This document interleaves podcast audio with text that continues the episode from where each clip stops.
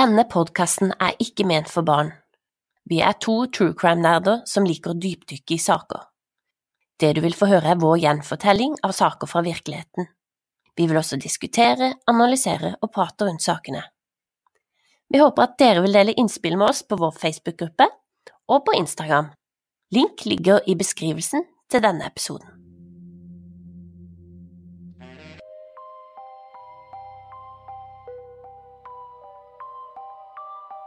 Sett deg godt til rette med noe godt i kroppen, og kos deg med krimprat med Lise og Fiona.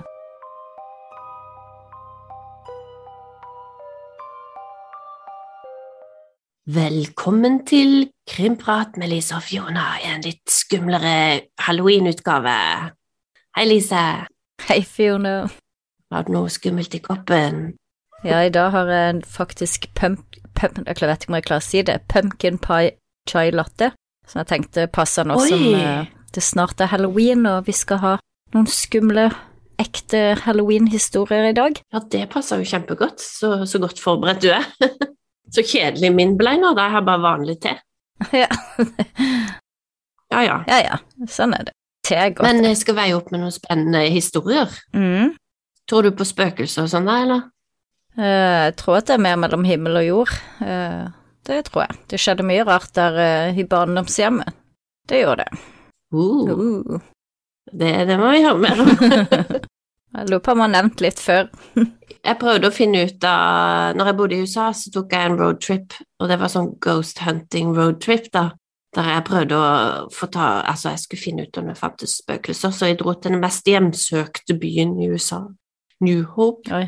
og bodde på det mest hjemsøkte eh, bed and breakfast. På det mest Mhm. hjemsøkte rommet.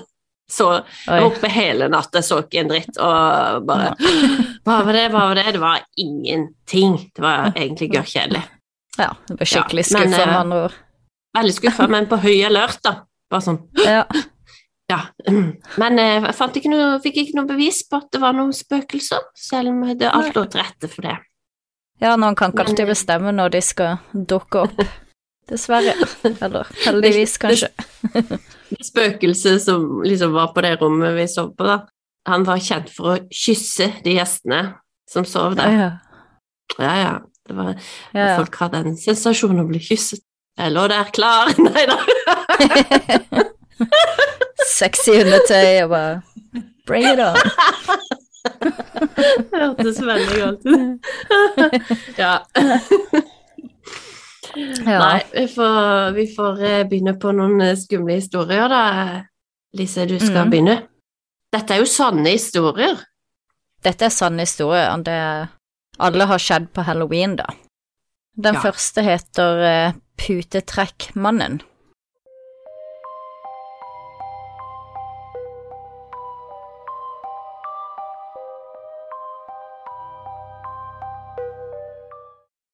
Det var lørdag kveld, 30. oktober 1982.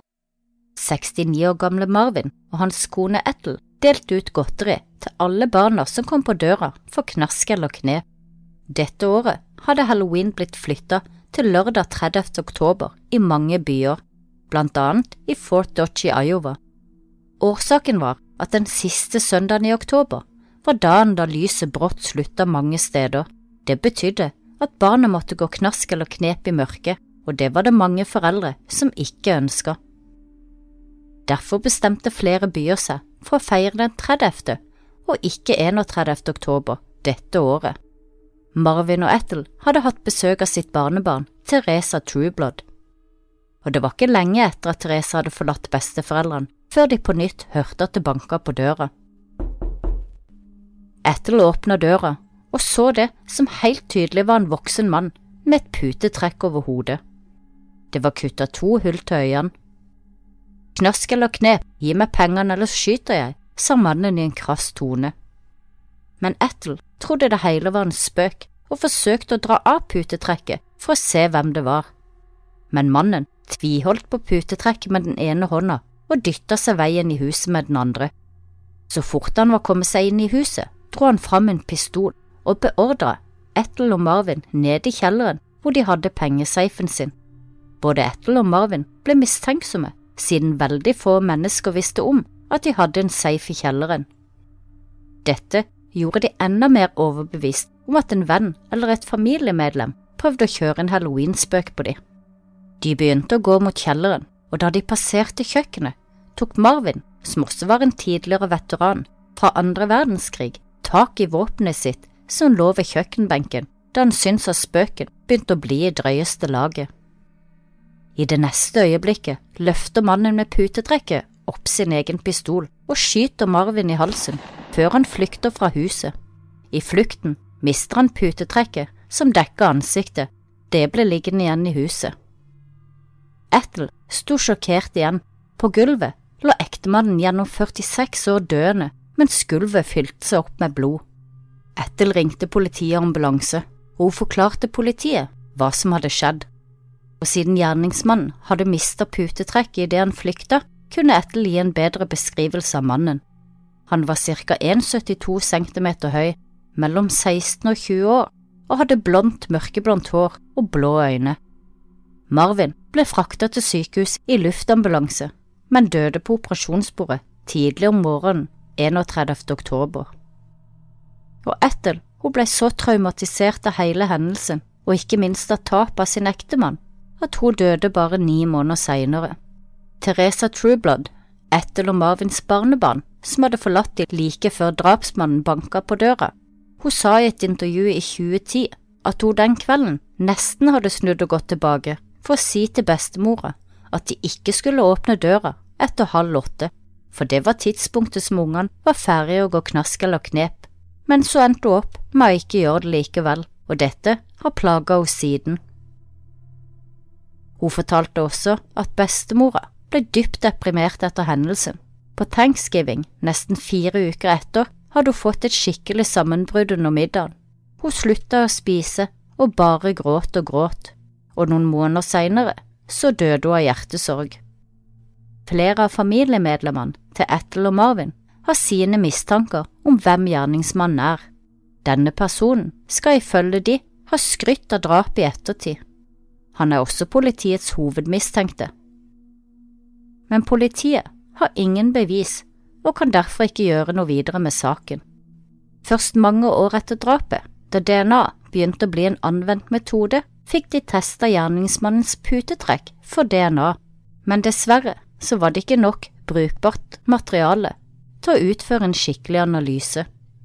Men håpet er at etter hvert som teknologien utvikler seg, så kan man kanskje en gang i fremtida likevel klare å identifisere vedkommende og få bekrefta om politiet har rett i hvem som er drapsmannen, sånn at han kan få sin rettsmessige straff.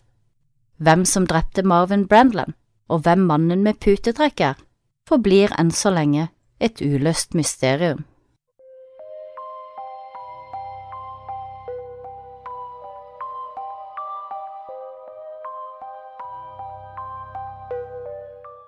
Å, så får vi ikke vite engang hvem de mistenkte.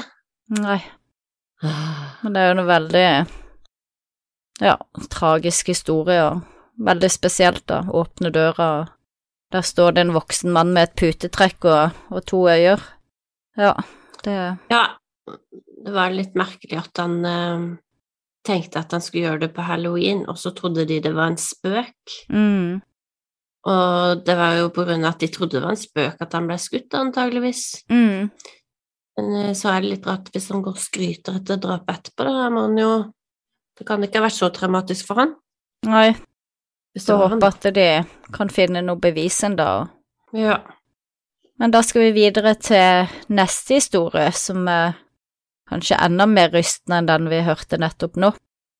Trippeldrapet.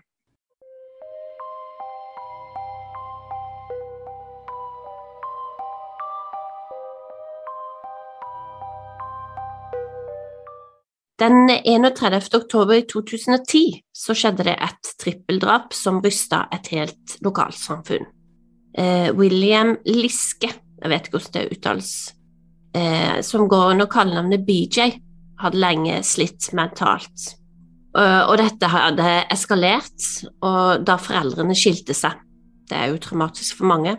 Og faren senere gifta seg på nytt. Og William han hata sin nye stemor Susan, og hennes to sønner, Devon eh, og Derrick. Og han gikk overhodet ikke overens med dem. Så William, faren Bill og stemora Susan de krangla ofte, og noen krangler gikk så langt at faren måtte ringe politiet. William fikk eh, medisiner for sin mentale lidelse. Så lenge han tok medisinene, så fungerte han ja, passe greit og kom overens med familien. Men problemet var når han tok medisiner, så følte han seg mye bedre. Og da han slutt, følte seg bedre, så slutta han å ta de, for da følte han seg jo frisk. Og istedenfor eh, begynte William å bruke narkotika og drikke mye alkohol. Og det var da de virkelige problemene starta. Men eh, faren han ville ikke gi opp sønnen sin, og han gjorde alt han kunne for å støtte og hjelpe han. Han fikk annet eh, sønnen sin inn på et sånn halvveishus, sånn at han kunne få den behandlingen han trengte, og William ble bedre. En dag tok faren med seg William på hytta deres som lå øde til i skogen, sånn at de kunne jakte, og de hadde en kjempefin tur. De reiste hjem igjen neste dag, eh, som var dagen før halloween. Faren og William tok noe øl sammen med naboene, og alle koste seg. Men da William trakk seg tilbake til huset for å gå på do, uttrykte naboene bekymring at den siste tida så hadde det vært en del kjæledyr i lokalområdet som hadde blitt torturert og skutt. Naboene og farens beste venn sa at de trodde at sønnen William var den som sto bak, og de ba Bill følge med og være forsiktig. Men eh, Bill han trodde ikke på dette, så han, han så kun det beste i sønnen sin og fortalte naboene sine og bestevennen at William kunne aldri ha skada noen. Og dette på tross av at faren selv hadde blitt skada av William ved to anledninger og sønnen hadde slått ham. Da faren og William forlot huset, så var planen at faren skulle kjøre William tilbake til halvveishuset, men siden de var så trøtte og hadde tatt noen pils, så bestemte de seg for å reie opp en seng til William på sofaen, slik at han kunne overnatte hos faren. Og Derek, eh, William sin 23 år gamle stebror, var også hjemme, men han holdt seg unna stua, og William, siden de ikke kom, godt, kom overens i det hele tatt, egentlig. Og Devon, den yngste steboren, overnatta hos sin far og var derfor ikke hjemme. Og Susan og Bill de gikk og la seg, og det samme gjorde Derek og William. Neste morgen kommer Susans 16 år gamle sønn Devon hjem fra overnatting hos sin far. Det første han treffer, er William. Og på dette tidspunktet så vet ikke Devon at eh, William har drept hele familien. De hilser kort før Devon går for å skifte klær, og deretter går han i kirka. Da Devon kommer tilbake fra kirka, var William reist, og han går på rommet for å spille videospill. Men da Devon ser at klokka blitt, begynner å bli halv to, nærmere halv to, så lurer han på hvorfor ikke mora og stefaren og broren har stått opp ennå. Det var litt rart at de sov så lenge. Så Devon går inn på moras soverom, og der kunne han se konturene av mammaen og stefaren under dynene, og han ser moras fot som stikker ut fra en av dem. Og Devon han prøver å kremte litt og få de våkne, da, og lurer på om de ikke snart skal stå opp, men han får ingen respons. Så Devon han går bort til senga, og så drar han dyna bort for å kikke under, og det første han ser, er puta som er full av blod. Og i et kort, øyeblikk så tror Devon at foreldrene prøver å tulle med han, før han innser at de er drept, og det ser ut til å være et skudd mot hodet. Devon han løper ut av huset, og tårene renner, og han innser at mammaen hans er faktisk drept. Og han får tak i sin tante, som deretter ringer politiet. Og politiet ankommer raskt, og de tar seg inn på broren deres sitt rom og finner en gutt som er slått til døde med en hammer. Og politiets etterforskningsleder eh, Nei, politiets etterforskning leder dem senere til å tro at det var Derrick som var den som ble drept først, og stille og brutalt med flere slag mot hodet mens han sov. På foreldrenes soverom så, så det ut til at eh, Bill ble drept først, og han lå naturlig i soveposisjon da han ble funnet, og han hadde fått fem skudd i hodet og ansiktet. Og kona, altså Williams stemor, hadde blitt voldtatt og deretter skutt tre ganger på kloss hold. Og en nabo hadde hørt skuddet eh, halv sju om morgenen på halloween. William hadde tatt farens bil og kjørt opp til hytta der de hadde vært dagen før, og der ble han arrestert og sikta for drapet.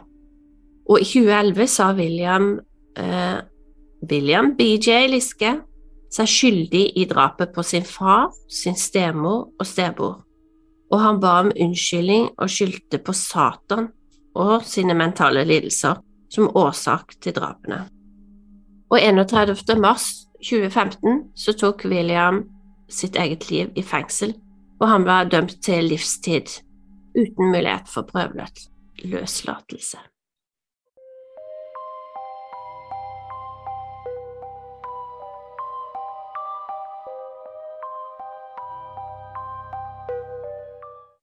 Ganske makaber eh, historie.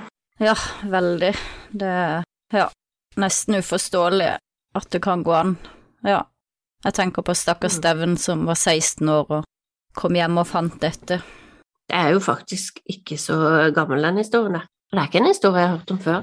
Nei, nei, han er ikke så gammel, så det er veldig tragisk. Det er mye som skjer på halloween. Du har jo enda funnet enda en sak, Lise. Ja, dette er en litt eh, kortere sak, da. Den heter Oransje sokker.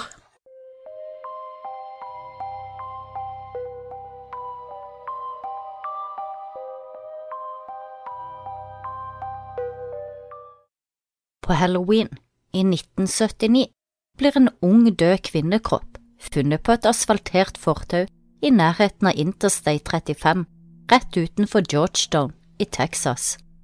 Kvinnen lå der helt naken, og det eneste hun hadde på seg, var et par oransje sokker og en stor, ovalformet ring på fingeren. Kvinna så ut til å være i 20-årene, og hun hadde blitt seksuelt misbrukt før hun hadde blitt kvalt til døde, og hun hadde blitt drept bare timer før hun ble funnet. Men politiet klarte ikke å identifisere hvem denne kvinna var, så hun fikk kallenavnet Oransje sokker. Noen år seinere så hevda seriemorderen Henry Lee Lucas at det var han som hadde drept kvinnen i oransje sokker. Han hevda at han hadde hatt sex med liket hennes, og han hadde ifølge han sjøl plukka henne opp mens hun haika, og det eneste han huska, var at navnet hos sitt var enten Joni eller Judy. Henry Lee Lucas ble faktisk dømt for dette drapet i 1984, og han ble dømt til døden. Men så trakk Henry Lee tilståelsen sin tilbake for å få dødsdommen omgjort, noe som førte til at saken ble videre etterforska. Ved nærmere undersøkelse så oppdaga etterforskeren at Henry Lee Lucas hadde vært i Florida den dagen kvinna ble drept, og derfor så kunne ikke han være morderen. Og det er egentlig utrolig at Henry Lee i det hele tatt ble dømt før disse etterforskningsskrittene ble gjort i første omgang, siden Henry Lee var notorisk kjent for å tilstå drap han ikke hadde begått. Og selv den dag i dag er det ingen som vet sikkert hvor mange Henry Lee faktisk drepte. Han døde i fengsel i 2001. Men for et par år siden, i august 2019, fikk man et lite gjennombrudd i saken, da man endelig klarte å identifisere hvem den drepte kvinnen var. Det var 23 år gamle Deborah Jackson fra Abilene. Men hvem som drepte kvinnen i de oransje sokkene, og hvorfor hun hadde disse sokkene på fremdeles, er et uløst mysterium.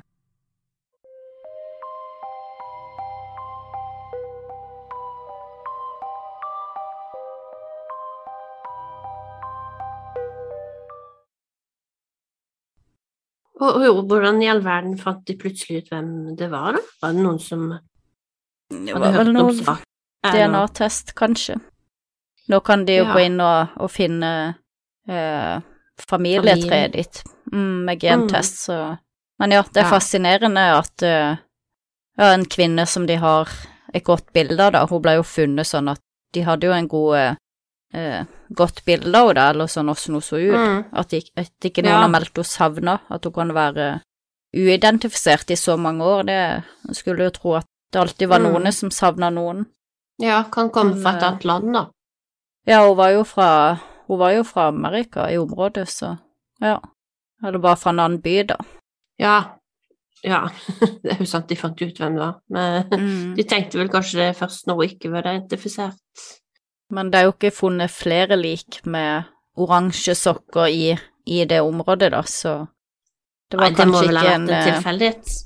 Enten Ja, det var Virker ikke som det var et sånn kjennemerke til en seriemorder, i hvert fall. Nei. Vi har en skikkelig scary en for uh, de som skal gå trick and treat. Hva heter det? Trick Mm. and treat? Knask Ja, og knep? det er en sånn uh, foreldres verste mareritthistorie, egentlig, Ja. med en twist. Det, det her er faktisk veldig skremmende historie. Um, og det heter Knask eller knep.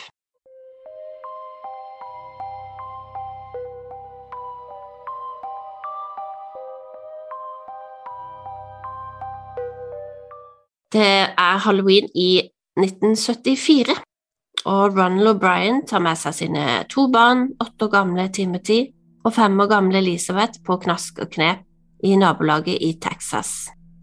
Eh, naboen og hans to barn slår følge med dem.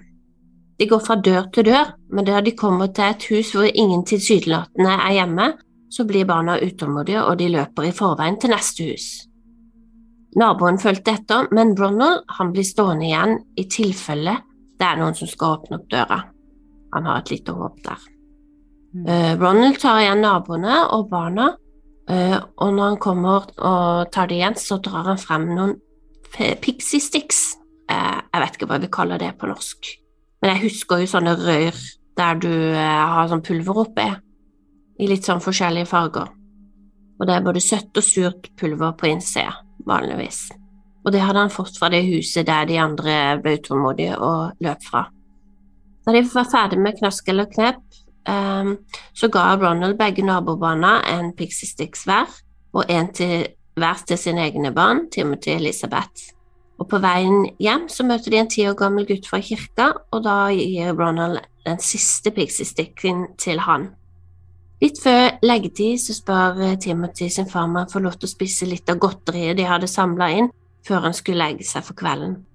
Og Timothy han sleit litt med å få det her pulveret ut av plastrøret, men med litt hjelp fra faren så kunne han endelig få smake på godteripulveret.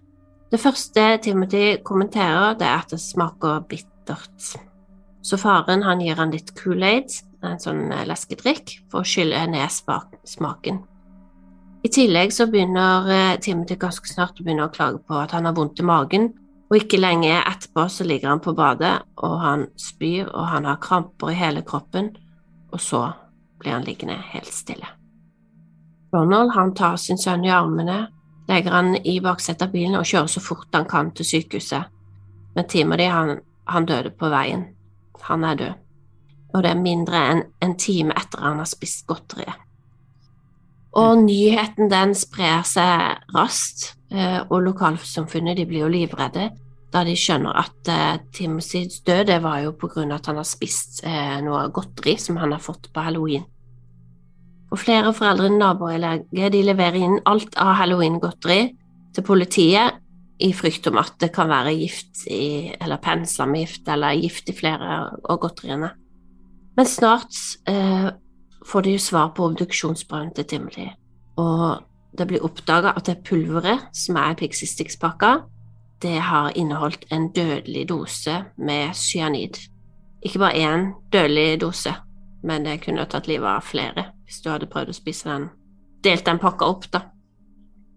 Og det var jo fem pakker med Tixie Sticks, eh, og nå var det jo fire igjen.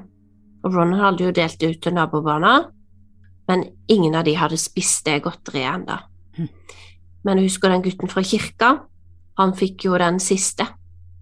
Eh, Mm. Siste pakka, og de kunne ikke finne i den Dixie Pixen, holdt jeg på å si, når jeg sier i eh, godteribøtta hans. Men og, og da blir jo mora, politiet ringer mora og blir jo hysterisk når hun ikke kan finne den. Og så løper hun på sønnen sitt soverom, og da finner hun sønnen i senga med denne Pixie Sticks-pakka i handa. Og gutten, han sov. Han har ikke rukket å spise den. Så det var da jo enda godt. Så det viste seg at alle de pakkene inneholdt cyanid. Nok til å drepe flere voksne per pakke. Så store mengder cyanid. Politiet eh, de mistenker selvfølgelig denne naboen da, som eh, Ronald sier han har fått godteriet av. Han forteller jo at han hadde forsøkt en siste gang da, å banke på døra på det huset etter ungene hadde gått videre, og at eieren plutselig åpna døra litt på gløtt. Det var mørkt på innsida, og så ser han bare en, en hårete arm som kommer ut, og den har de her godteriene i handa, som da Ronald får. Og Politiet fant jo raskt ut at mannen som Ronald fortalte om, eh, han var eh, flytrafikkontrollør eh, som heter Courtney Melvin. Og Courtney kunne fortelle politiet at han hadde vært på arbeid på, eller på jobb på halloween, eh, og han var ikke hjemme før i ellevetida på kvelden. Og det kunne 200 vitner bekrefte. Så da var det jo lett å sjekke han ut. Men ja. hvem er det da som kan ha gjort det, ikke sant? Da blir jo politiet mistenker jo da Ronald selv, altså faren til Timothy. Det er jo han som sier han har fått godteriet, og eh, politiet hadde tidligere blitt mistenksomme da Ronald i starten hadde sagt at han ikke kunne huske hvilket hus han hadde fått godteriet fra. Og det hadde vært regnvær den, kve den kvelden, så Ronald og naboen hadde kun gått i to gater etter knask og knep. Og da politiet avhørte husene i disse to gatene, var det ingen av de som hadde gitt bort eh, Tixi Stix til ungene. Iallfall ikke som de sa, da. Og underveis i etterforskningen så oppdager politiet at Ronald hadde nærmere to millioner i gjeld, noe som tilsvarer seks eller fem-seks millioner i 2020. Eh, Han hadde også hatt problemer med å klare å holde jobber eh, opp igjennom, og de ti årene før Timothy, eh, Timothy sin død, så hadde han hatt 21 jobber. De oppdager også at Ronald bare noen måneder før Timothys død har tegna livsforsikring på barna sine på 100 000 kroner, og bare en måned før Timothys død så han økt livsforsikringene til 200 000 per barn, og bare dager før Timothys død så har han tegna enda flere livsforsikringer på barna eh, på 200 000 hver. Totalt så hadde han 600 000 kroner i livsforsikring på sine to barn. Og Ronalds kone hevder at hun ikke visste noe om at mannen hadde tegna disse livsforsikringene på barna. Politiet oppdager også at Ronald allerede dagen etter, faktisk morgenen etter sønnens død, hadde ringt til forsikringsselskapet for å høre om han kunne hente ut livsforsikringen på sønnen sin. Og da hadde de i tillegg oppdaget at Ronald hadde vært eh, innom en butikk som solgte kjemikalier for å kjøpe cyanid kort tid før halloween eh, 1974. da. Og de var nesten overbevist om at Ronald var den som hadde eh, forgifta godteriet, for så å kunne heve livsforsikringen på ungene sine. Selv om Ronald ikke hadde handla cyanid likevel den dagen, fordi den minste pakka i butikken den hadde vært på 2,5 kilo. Og Politiet mente også at han ga nabobarna og gutten fra kirka forgifta godteri i et forsøk på å dekke over sine egne handlinger og for å unngå mistanke mot seg selv. Um, det var litt, han mente at det var kanskje litt mistenkelig om det bare var hans barn som døde, da. Så eh, Ronald påstår at han er uh, uskyldig, og politiet de klarte å aldri finne ut eh, hvor og når Ronald faktisk hadde fått handla inn cyaniden som ble brukt til å forgifte godteriet, men de arresterte han likevel for drapet på Timothy 15.11.1974, og han ble sikta for ett drap og fire forsøk på drap. Og Ronald han hevda seg uskyldig på alle punkter. Så starter rettssaken 5. mai 1975 og under rettssaken vitner en bekjent av Ronald som arbeider med kjemikalier, om at Ronald sommeren 1973 hadde spurt han om cyanid, og hvor mye som ville være dødelig, og hvor man kunne handle cyanid. Mm -mm. Så venner og kolleger de vitner om at Ronald i månedene før Timothys død hadde hatt eh, en uvanlig interesse i cyanid, at han snakka mye om hva som skulle, eh, hva som skulle til da, for å drepe en person. Og Ronalds svigerbror og svigersøster vitner om at Ronald under begravelsen til Timothy hadde snakka om hva han skulle bruke forsikringspengene på, blant annet en lang ferie. For en fyr, det her, altså. Ja, som ikke det var nok, da. Så uh, vitner også Ronald sin kone mot han, og hevder, hevder i motsetning til sin mann da, at det ikke var Timothy selv som hadde valgt å spise Pixie Sticksen, men at det var faren Ronald som hadde tvunget han til å svelge den. 3. juni 1975 så tok det juryen 46 minutter å finne Ronald skyldig i drapet på sønnen sin, og drapsforsøk på fire andre barn. Deretter brukte juryen 71 minutter på å dømme han til døden i den elektriske stolen. Og kona skilte seg fra han umiddelbart etter dommen, eh, eh, mens eh, Ronald satt på dødscella, så var han i tillegg hata av alle de andre innsatte, og totalt vennløs. Ronald skulle bli henrettet 8. august 1980, men advokaten klarte å få den utsatt, og ny dato ble satt til 25. mai 1982. Men som det ofte pleier å bli da, så ble den også utsatt, og dommeren satte ny dato 31. oktober 1982 på åtteårsdagen for drapet på åtte år gamle Timothy.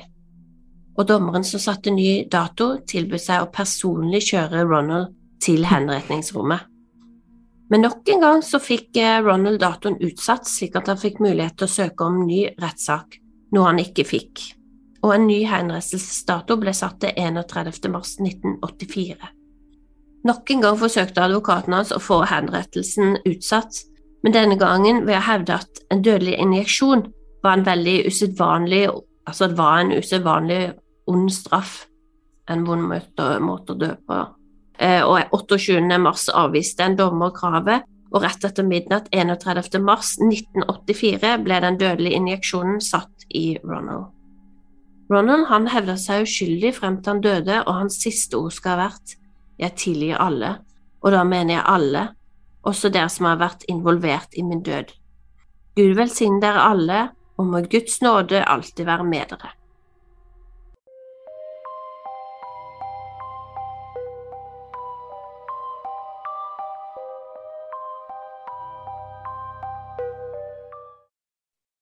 Ja, det var jo litt av en far. Det Fy fader, altså. Hæ? Og ikke bare sine barn, men nabobarn og Tenk hvis det var noen andre som hadde gjort det, men hva skulle motivet ja, nei, det, det. er jo Altså, vi har jo noen saker som har lignet altså det Jeg husker ikke hvilket årstall i USA der det ble um, putta Var det cyanid, tror eller var det et annet stoff som ble putta i noen uh, legemidler, noen um, Var det i Benadryl mm. eller noen?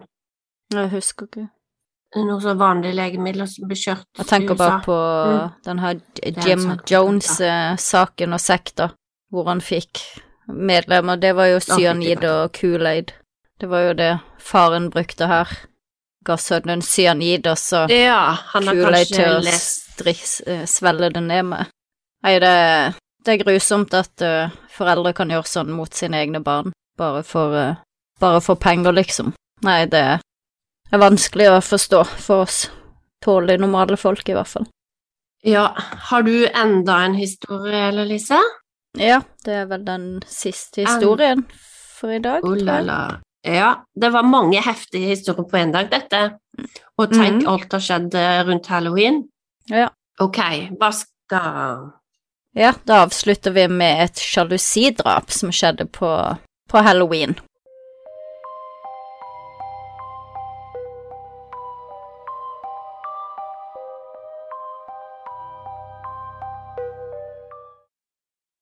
Året var 1957, og byen var LA.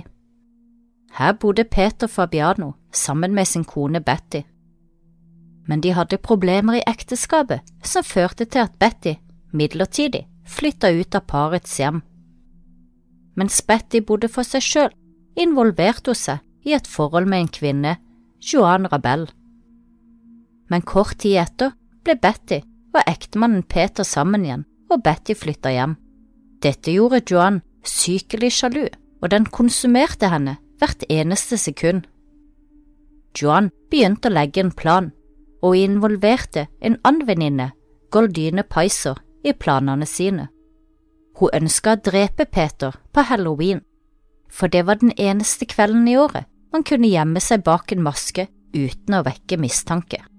Det var venninna Goldine som skulle utføre drapet, og Joan laga et kostyme til henne bestående av røde hansker, ansiktsmaling og en maske. Joan og Goldin satt i to timer utenfor Betty og Peters hjem om kvelden på halloween. De venta på at soveromslyset skulle gå av hjemmet de observerte, og da lyset endelig ble slukka, gikk Goldin opp til døra og trykka på ringeklokka. Peter var den som åpna døra. Antageligvis forventa han at noen forsinka barn var ute på knask og knep-runden, men da han åpna døra, ble han skutt i brystet med en 38 kaliber håndpistol og døde momentant. Goldyn og Joan ble arrestert etter et par uker, og de ble begge dømt fem år til livstid i fengsel, men det er uklart hvor mange år de faktisk sona. Goldyn skal ha dødd i LA i 1998. Betty, Peters kone, skal ha solgt skjønnhetssalongen hun drev etter ektemannens død, og hun gifta seg på nytt i 1966. Hun gikk bort i 1999, 81 år gammel. Da var hun bosatt i California. Joan, hovedkvinnen bak drapet, hun som ønska Peter død fordi hun var sjalu og forelska i Betty, er det ingen som vet hvor hun ble av, men vi kan fastslå at det er lite sannsynlig at hun ennå lever. Men vi kan fastslå at det er lite sannsynlig at hun ennå lever. Hun var 43 år i 1957.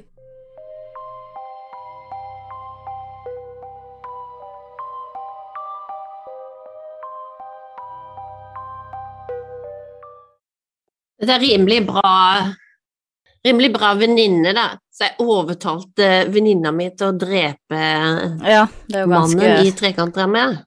Nei, jeg hadde, ikke gjort det. Hadde det. gjort Det, Eh, Det er god ja, ikke sant. Det, Stiller opp, det vet du. skal ikke stå på det, i hvert fall. Vet du hva det minner meg om? Ja, En historie. Betsy og Pam. Ja, Ja. denne historien. Hvis ikke dere har hørt den, må dere gå tilbake og høre den. Ja. Altså, Ja. Det er jo nesten litt sånn jeg så for meg bare at uh, Pam har ikke hatt noen venninne da, som hun kunne Mm. Men det kan jo være noe sånt som har skjedd i den saken. Eller hun Mm. Stefanie Laserut som dreper den nye kona til ekskjæresten og blir tatt. Hun er jo politiet, så blir hun tatt mange, mange år seinere for det drapet. Det var jo sånn sjalusidrap. Så ja, Den der, det. Har ikke du tatt den saken før, Lise?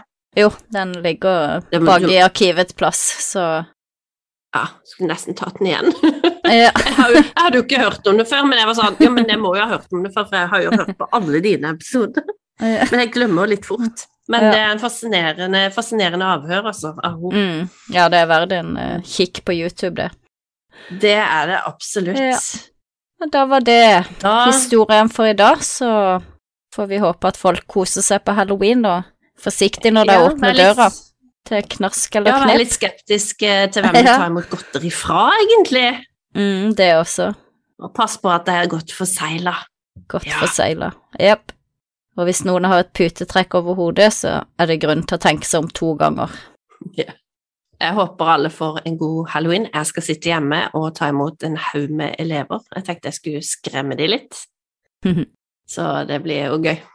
ja. Da må alle kose seg, så høres vi neste uke. Har du et enkeltpersonforetak eller en liten bedrift? Da er du sikkert lei av å høre meg snakke om hvor enkelt det er med kvitteringer og bilag i fiken, så vi eh, gir oss her, vi. Fordi vi liker enkelt. Fiken superenkelt regnskap.